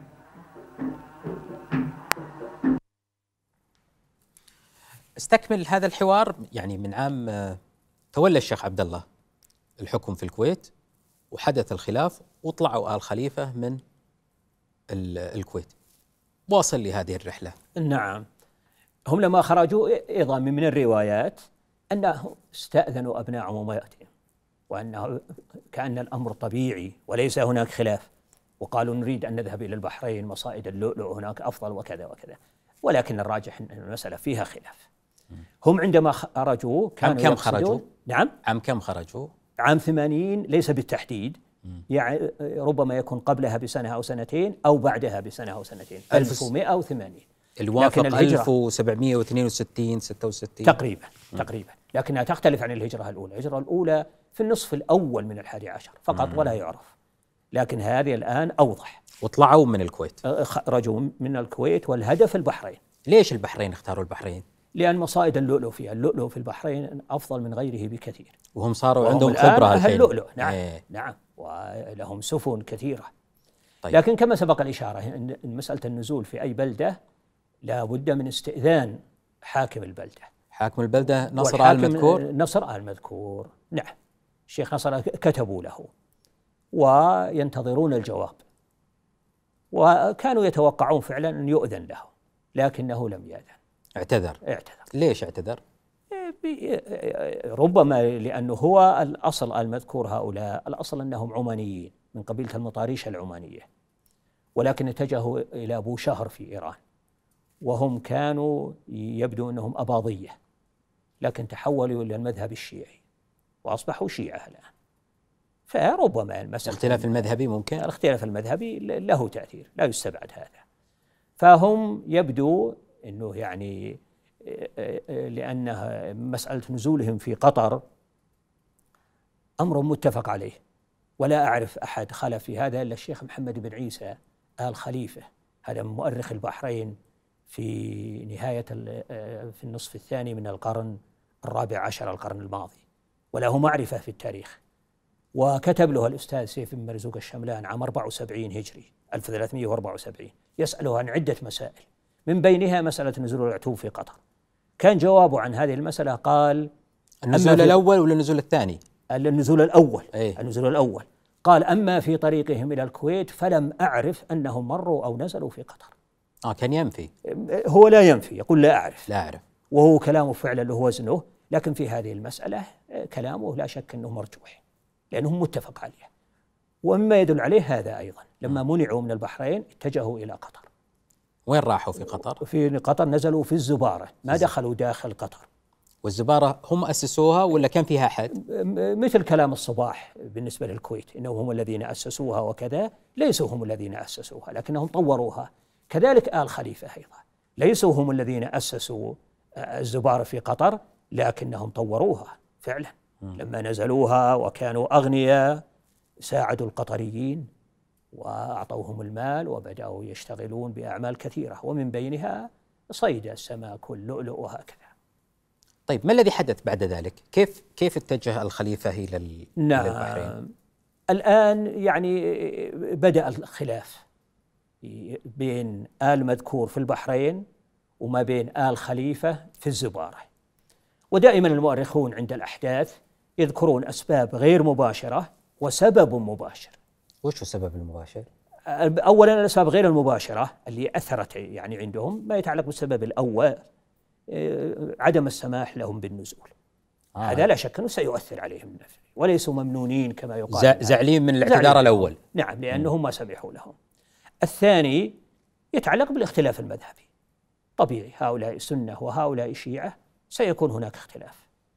سبب ثالث سبب اقتصادي لأن ميناء البحرين كان هو الميناء المهم وتأتي إليه السفن الكبيرة من الهند ومن البصرة. لكن القطريين والشيخ بالذات محمد بن خليفة كان غني. ولهذا آه، تطور الميناء. وربما أنه إذا لم يكن يعني معدوم الضرائب ما في ضرائب أبدا فهي ضرائب قليلة. والتجار صاحبهم آه، الذين يرجون مكسبا منه. يعني كان هناك حرب موانئ وتنافس على أي السفن. بدأت السفن الكبيرة اللي كانت تتجه إلى البحرين بدأت تتجه إلى الزبارة فتضايق البحرينيون. تضايق آل مذكور.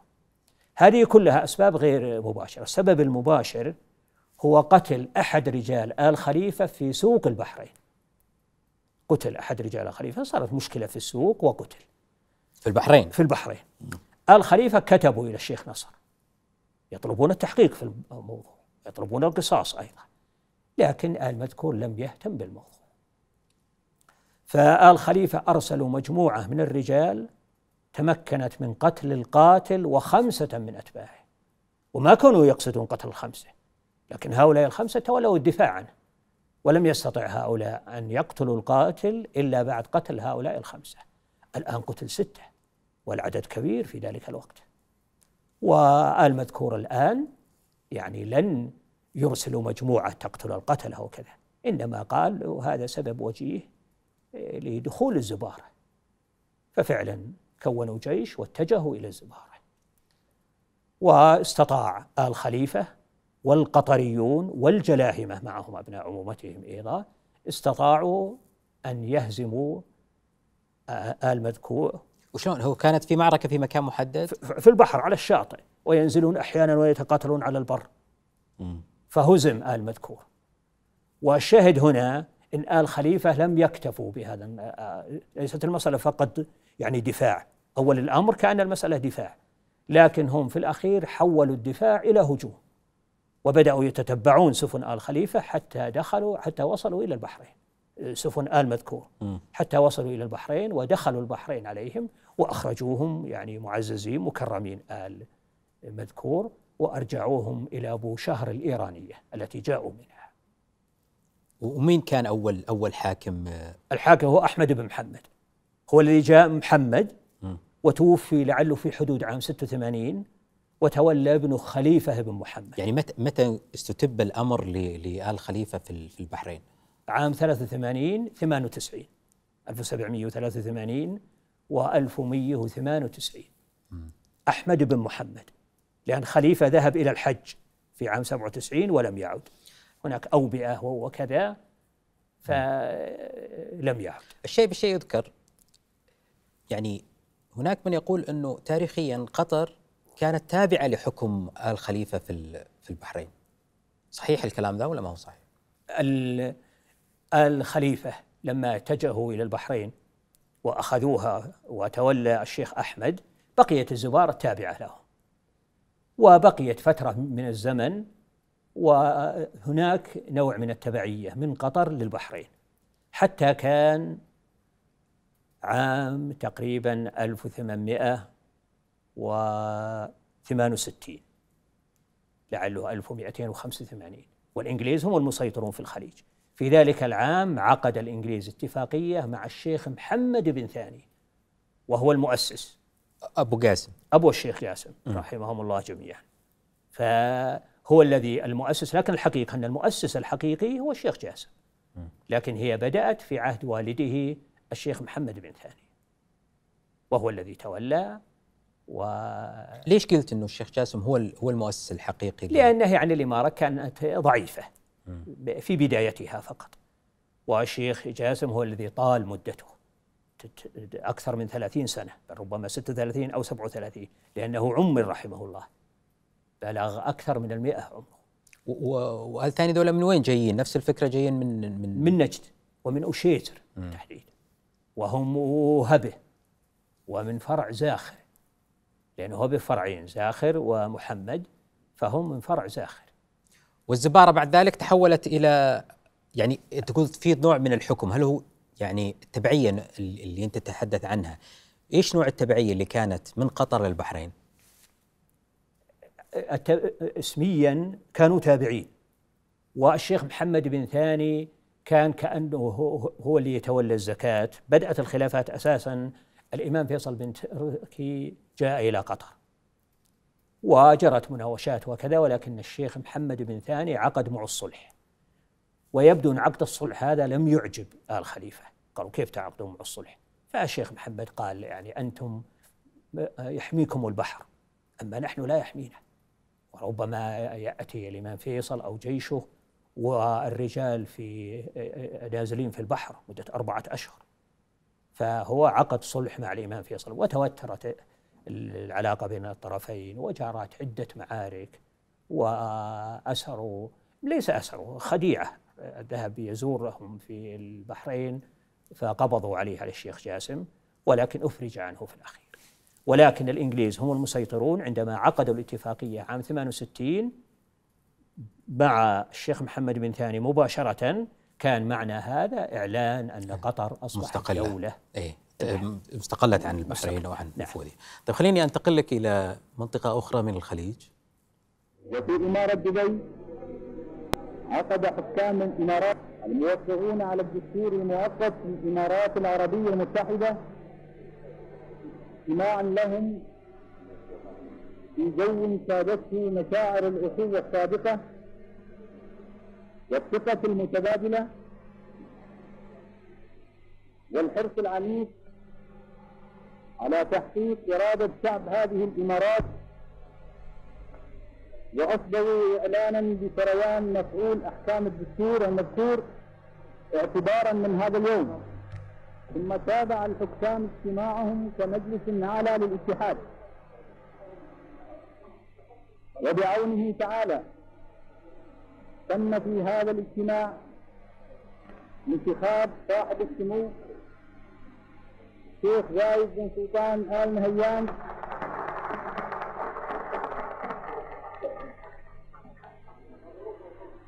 حاكم إمارة أبو ظبي رئيسا لدولة الإمارات العربية المتحدة. حدثني عن عن قيام دولة الإمارات العربية المتحدة والمراحل اللي مرتها في التأسيس. نعم.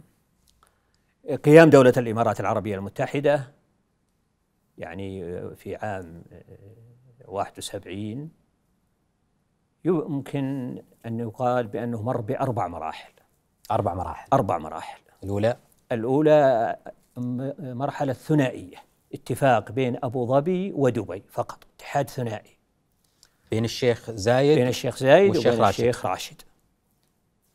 الإنجليز أعلنوا في بداية عام 68 أنهم سوف ينسحبون من منطقة الخليج. ويعني وضع هذه الإمارات مشكلة. لا يمكن أن تكون يعني أبو ظبي قد يكون لها بعض مقومات الدولة من ناحية المساحة وكذا. وربما دبي. لكن هل يمكن أن تكون أم القوين دولة والفجيرة دولة ورأس الخيمة دولة والشارقة؟ لابد من اتحاد. أول ما بدأ اتحاد ثنائي الشيخ زايد زار دبي وعقد محادثات مع الشيخ راشد آل مكتوم آل مكتوم وصدر بيان مما جاء فيه أنه في هذا اليوم الأحد الثامن عشر من فبراير عام 1968 اجتمع كل من حضرة الشيخ زايد بن سلطان آل نهيان حاكم أبو ظبي والشيخ راشد بن سعيد المكتوم حاكم دبي لمتابعة أبحاثهما بشأن المستقبل الأفضل لبلديهما. وقد جرى الاتفاق والرضا بحمده تعالى على النقاط التالية. أولا تكوين اتحاد بين البلدين. له علم واحد تناط به الأمور التالية. الشؤون الخارجية الدفاع والأمن الداخلي في حالة الضرورة كذا قالوا الخدمات كالصحة والتعليم والجنسية والهجرة. النقطة الثانية قالوا دعوة حكام المشيخات الأخرى يقصدون الخمس للدخول في هذا الاتحاد. النقطة الثالثة الخمس بس. خمس هي الخمس. النقطة الثالثة قالوا دعوة حاكمي قطر والبحرين لمناقشة الموضوع والاتفاق على عمل وحدوي في المنطقة. وتراهم الآن كما ترى فرقوا.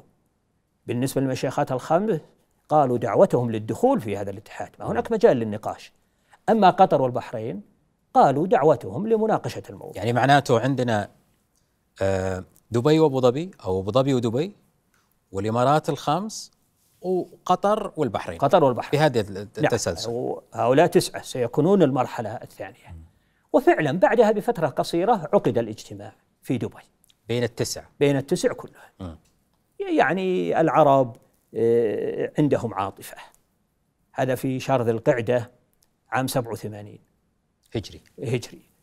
في أول هذه السنة في شهر صفر كانت النكبة في فلسطين. حرب 67 التي أخذت فيها فلسطين كلها وليس ذلك فقط بل أخذ الجولان من سوريا وسيناء من مصر. فالعرب عندهم عاطفة الآن ولا بد من الاتحاد وكذا. ولهذا حتى قطر والبحرين بالنسبة للشيخات الخمس أمر عادي لكن حتى قطر والبحرين وافقوا. وكان الاجتماع واتفقوا فعلا هذه المرحلة الثانية أن يكون هناك اتحاد تساعي بين الطرفين. هذا عام في ذا القعدة عام 87 في أيضا آه، آه، عام بداية 67. عام 68 68. بالنسبة للميلادي واتفقوا على أن يكون بدايته والإعلان عنه رسميا في اليوم الأول من الشهر الأول من العام القادم 88 يعني واحد واحد 88 يبدأ الاتحاد التساعي وفعلا عقد أول اجتماع وبحثوا فيه المسائل يعني مادية رصد مبلغ خمسين ألف دينار بحريني. هذا يعتبر كبير في تلك الفترة. وأيضا يبدو اللي دفعته قطر والبحرين وليس تبرعا إنما سيحسب مما سيطلب منهما في المستقبل. بعدها أيضا عقد مؤتمر آخر بحثت فيه نواحي عسكرية وقالوا يكون هناك يعني استشارة من بعض الضباط العسكريين في المملكة العربية السعودية والكويت هما دولتان مستقلتين. بالنسبة لأبو ظبي كانت هناك تحفظ على الجنسية السعودية على أساس الخلاف مع المملكة بشأن البريمي. إلى الآن ما حلت. نحن الآن في عام 88 بقي ست سنوات على حل المشكلة. إلى إلى الآن وهم في كل جلسة يحددون الجلسة. أخيرا حددوا موعد للجلسة القادمة كانت في الدوحة في أول عام 89 في الربع الأول من عام 89 وكان هناك فعلا مشاريع جيدة للاتحاد ولتحديد عاصمة الاتحاد. ولكن الإشكال أنهم بحثوا مسألة البرلمان وعدد أعضائه. البحرين قدمت اقتراح إنه يعني عدد الأعضاء عدد أعضاء البرلمان لكل إمارة ينبغي أن يكون متساوي مع عدد السكان. اعتبار عدد السكان. باعتبار عدد السكان. وهذا سيكون من صالح صالح البحرين, البحرين. لأن البحرين عدد السكان كبير أما الفجيري وأم القوين لن يكون لها نصيب. رفض هذا. وبدأ النقاش يحتد تدخل بعضهم وقال يكون لكل إمارة أربعة أعضاء. إلا البحرين يكون لها ستة. أيضا ما اتفقوا على هذا هناك مشروع ثالث وأخير قدم لا شك أنه من إمارة غنية لعله من أبو ظبي. قالوا ينبغي أن يكون عدد الأعضاء متناسب مع المساعدات المادية التي تقدمها الإمارة للاتحاد. وهذا أيضا لا يمكن أن توافق عليه هم القويين والفجيري ولا حتى البحرين أيضا لانها لا تملك اقتصادا قويا. فاختلفوا وازداد حدة النقاش وخرجوا وهذه هي الظاهرة الجديدة أنهم خرجوا دون أن يحددوا موعدا للاجتماع القادم. في كل الاجتماعات القادمة إذا انتهوا الماضي. حددوا موعد الاجتماع القادم إلا هنا لم يحددوا. مضى عام 89 ولم يكن هناك اجتماع. الشيخ زايد هو أساس الفكرة وهكذا وهو أكبر إمارات المشيخات يتصل بقطر والبحرين. ولكن يبدو إن قطر والبحرين مهما كان يعني من الأساس. يتعجب الإنسان كيف يوافقون لأن يعني كل حاكم يريد أن يكون هو رقم واحد يريد أن يكون تابعا لأحد. لكن كما قلت قبل قليل العاطفة وهكذا تدفعهم. فالشيخ زايد يرسل إلى قطر والبحرين ويقول يعني آه، لابد أن نعود وكذا آه، لجلساتنا. فيقولون في قطر والبحرين إنه لابد أن تحل المشاكل. فيردون عليهم بأنه لا يمكن أن تحل المشاكل إلا باجتماع. هو يقول دعونا نجتمع هم يقولون ما نجتمع إلا إذا حلت المشاكل. تعقدت الأمور مضى 89 و90 وفي عام 91 71 أعلنت كل من قطر والبحرين الاستقلال. الإنجليز أعطوا البحرين وقطر الاستقلال وأعلنوا الاستقلال. هنا ييأس الشيخ زايد من قطر والبحرين ويدعو بقية المشيخات. فيعقدون اجتماع تأتي المرحلة الثالثة وهي مرحلة الاتحاد السداسي. السبع المعروفة الآن باستثناء رأس الخيمة.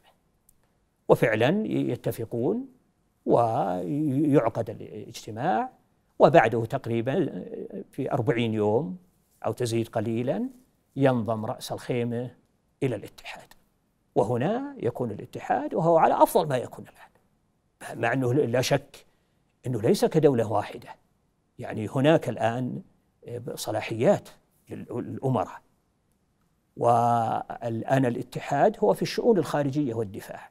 ولكن الآن يعني أكبر دولة بالعالم وهي الولايات المتحدة اتحادها في الشؤون الخارجية والدفاع وإلا كل ولاية يكون لها شؤون. ولهذا الآن كل إمارة لها تصرف. وحتى رئيس الدولة ما يستطيع أن يتدخل في الأسرة الحاكمة. الأمير الذي هو ولي العهد. إذا تولى الإمارة هو الذي يعين ولي العهد ولا يتدخل فيه رئيس الدولة. بل حتى بعض الأنظمة يعني الشارقة ودبي متقاربة فيما بينها كثيرا. وهناك فرق كبير خاصة في السنوات الماضية. الآن حصل بعض التغير يعني دبي منفتحة ربما أكثر من اللازم والشارقة محافظة مع أن المسافة قريبة جدا بينهم. فهناك صلاحيات لكل إمارة. لكن الشؤون الخارجية والدفاع والسفارات هي واحدة. والعاصمة هي أبو ظبي. آه عام 1971 في الثاني من ديسمبر أعلن الاتحاد. نعم. لكنه يعني جاوبني لماذا ترددت راس الخيمة؟ يعني ما ما دخلت في الاتحاد إلا بعد آه المشيخات التي قبلها. نعم هي غير واضحة. هناك إشارات لبعض الدول لهم يد في هذا ولكن المسألة غير واضحة. لابد أن هناك سبب ولكن يبدو أنه سبب ليس أساسي. ولو كان سببا أساسيا ما انتهى في شهر وأربعين يوم. لكن يبدو أول الأمر ربما هناك ربما يكون لهم شروط أيضا أجيبت لا يستبعد. بس ما عندك رواية أو شيء ترجحه في هذا المجال؟ لا يعني الإنسان غير متأكد من هذا ما يمكن يشير إلى دولة معينة وهو غير متأكد من هذا. وإلا بعضهم يوجه أصابع الاتهام إلى دولة معينة وأنها وراء ذلك. في نفس السياق أو أريد أن أستعرض معك هذه المادة إن سمحت لي. الجزر سلمك الله نحن هذه تكلمنا فيها قليل مع إيران ووجدنا يعني عدم تقدير للكلام فرفعناها للجامعة العربية والإخوان العرب وللعالم الدولي كله ما فيه هيئة الأمم. ورايح إلى مجلس الأمن. ما نحن جالسين نحن ما لا لا نريد نخانق على شيء ولا نريد حد يخانقنا. نريد أن كل ما هو إلنا يجينا بطريق حق وعدالة. رحمة الله على الشيخ زايد. الله يرحمه. آه الجزر الإماراتية جزيرة أبو موسى طنب الكبرى طنب الصغرى. هذه الحديث أنا أريد البعد التاريخي لهذه القصة. آه وتحدثني يعني متى بدأ الخلاف متى بدأ ومتى احتلت هذه الجزر وإيش العمق التاريخي لهذه القصة؟ نعم بارك الله فيك. خلاصتها أن الطنبين الكبرى والصغرى تتبع رأس الخيمة. ونحن في هذه الفترة. أما قبل سنوات 200 سنة و300 هذه تتغير. لكن في هذا العام قبله بسنوات فالطنبين الكبرى والصغرى تابعتين لإمارة رأس الخيمة. جزيرة أبو موسى تابعة للشارقة. لكن هذه لا يعني تبع القواسم. تبع القواسم لأن الشارقة ورأس الخيمة يحكمها القواسم كلهم أبناء عمومة. فأبو موسى تبع؟ أبو موسى تبع الشارقة. والطنبين تبع والطنبين الكبرى والصغرى تابعة لرأس الخيمة. أي. لكن هذه لها علاقة بموضوع البحرين. لأن الإيرانيين يطالبون بالبحرين منذ مدة وهم يطالبون وفي عام 27 1927 بدأت المطالبة الرسمية في عهد الأسرة البهلوية في عهد رضا بهلوي والد محمد رضا بهلوي و27 بالتحديد على أساس اتفاقية الملك عبد العزيز مع الحكومة البريطانية. الملك عبد العزيز عقد الاتفاقية الأولى في عام 34 اتفاقية القطيف. البند السادس ينص على إنه يتعهد بن سعود بتحاشي الاعتداء على الكويت والبحرين ومشايخ قطر وسواحل عمان المشمولة بالحماية البريطانية والمرتبطة معها بصلات عهدية. في جدة 1927 أعادوا الاتفاقية جددوها البند السادس هو نفسه فقط غيروا الألفاظ أنه يتحاشى الاعتداء أو كذا قالوا جلالة ملك الحجاز وسلطان نجد وملحقاته يلتزم بإقامة العلاقات الودية والطيبة مع الكويت والبحرين ومشايخ قطر وسواحل عمان المشمولة بالحماية البريطانية والمرتبطة معها بصلاة عهدية. الإيرانيين اعترضوا على هذا وكتبوا اعتراض إلى الرياض وإلى لندن. بالنسبة للرياض لا يهمهم لا, لا علاقة لهم بالموضوع. فكان جوابهم يعني جواب عام ربما أنهم لم يرسلوا حتى ولا إيران. أنه مع أن البحرين كانت تابعة لأجداد الملك عبد العزيز يقصدون الدولة السعودية م. الأولى والثانية إلا أنهم الآن يعترفون بالشيخ عيسى بن علي حاكما للبحرين. فالإيرانيون كتبوا الاعتراض إلى لندن ما أجابتهم فرفعوه إلى الجهة الدولية وهي عصبة الأمم اللي وجدت بعد الحرب.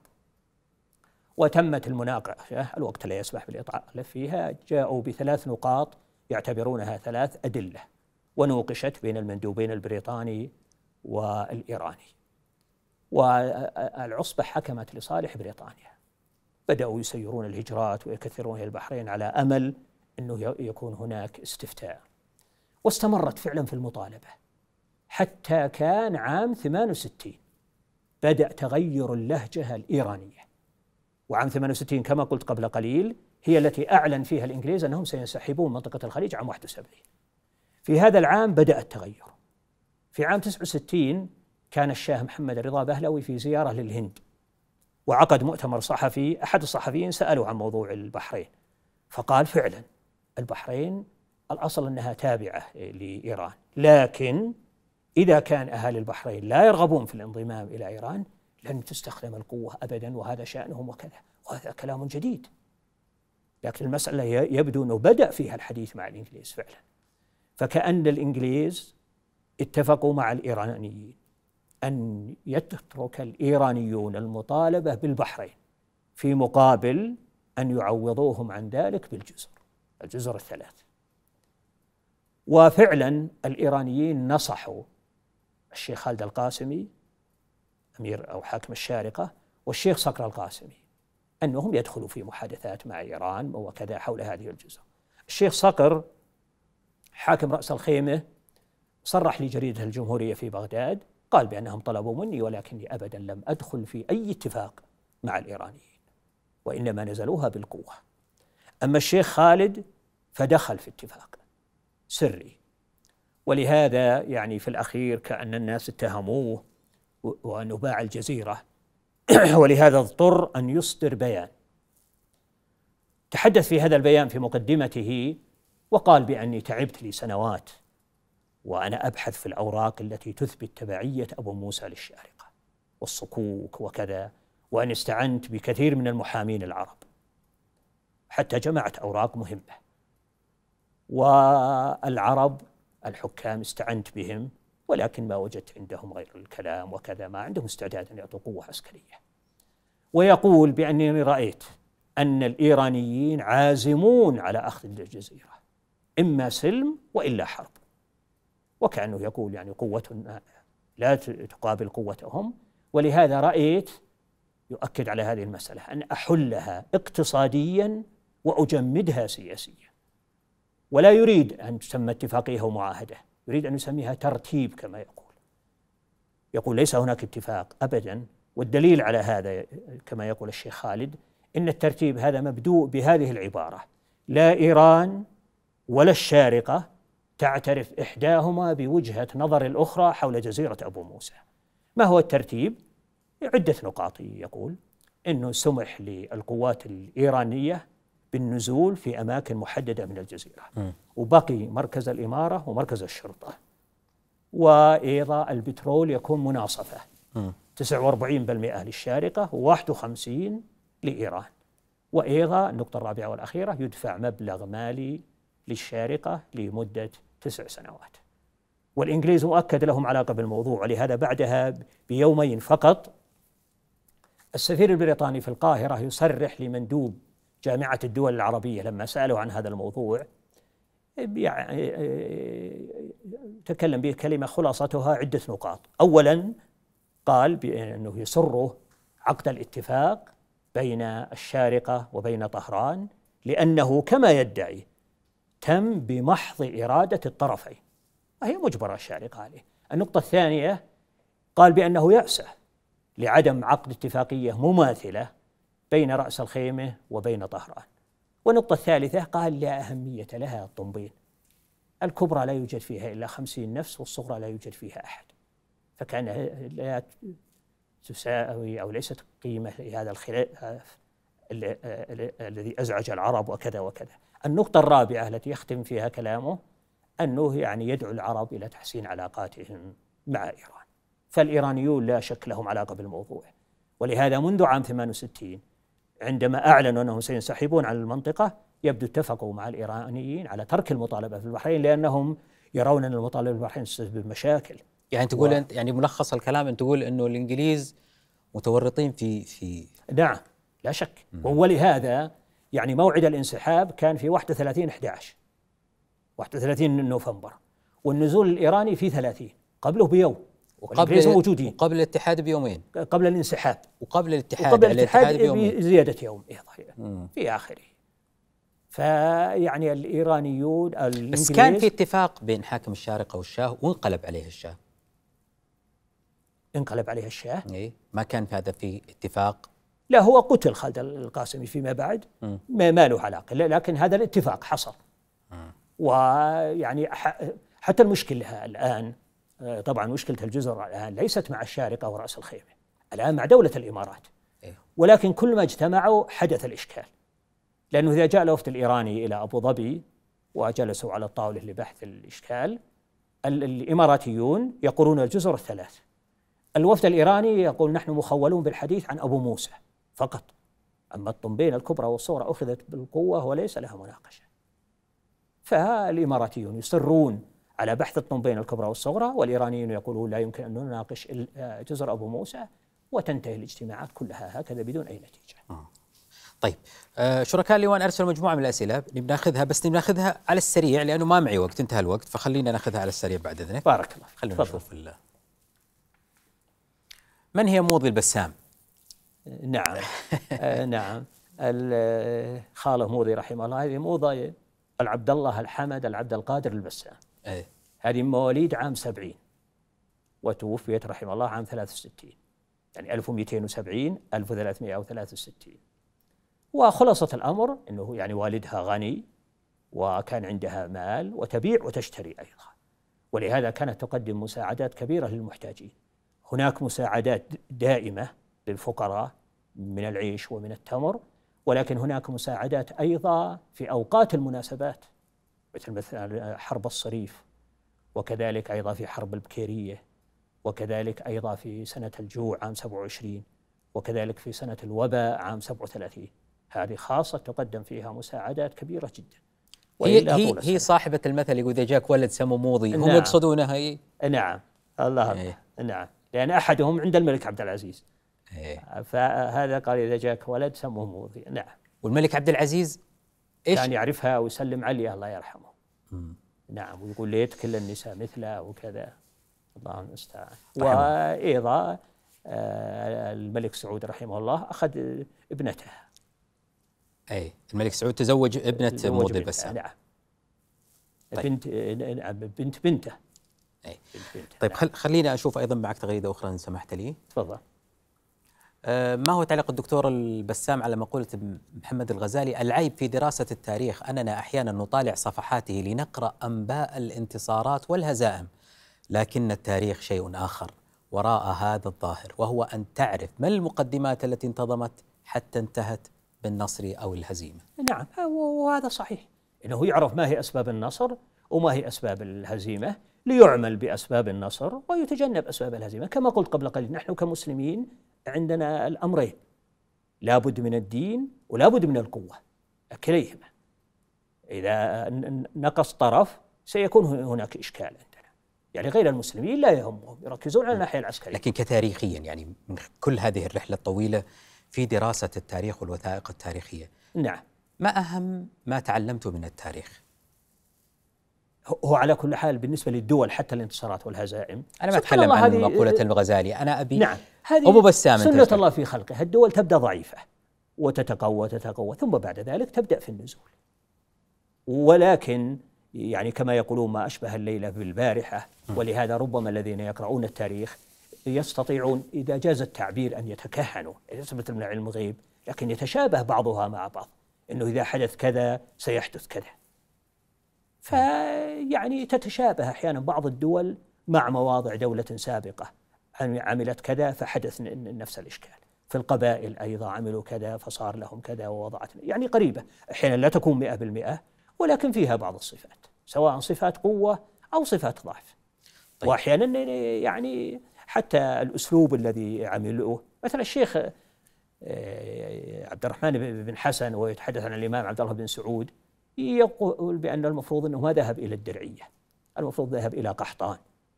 وبقي عن- عندهم حتى بقيت انتهت الحرب فيأتي كون الإمام يكون موجود لا شك أنه ولكن في الأخير يقول لو قدر غير ذلك لكان.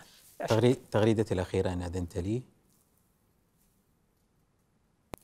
أه هل يعد كتاب تحفة المشتاق في أخبار نجد والحجاز والعراق أدق وأصح تاريخ للمنطقة وهو من التح... من تحقيق الدكتور أحمد؟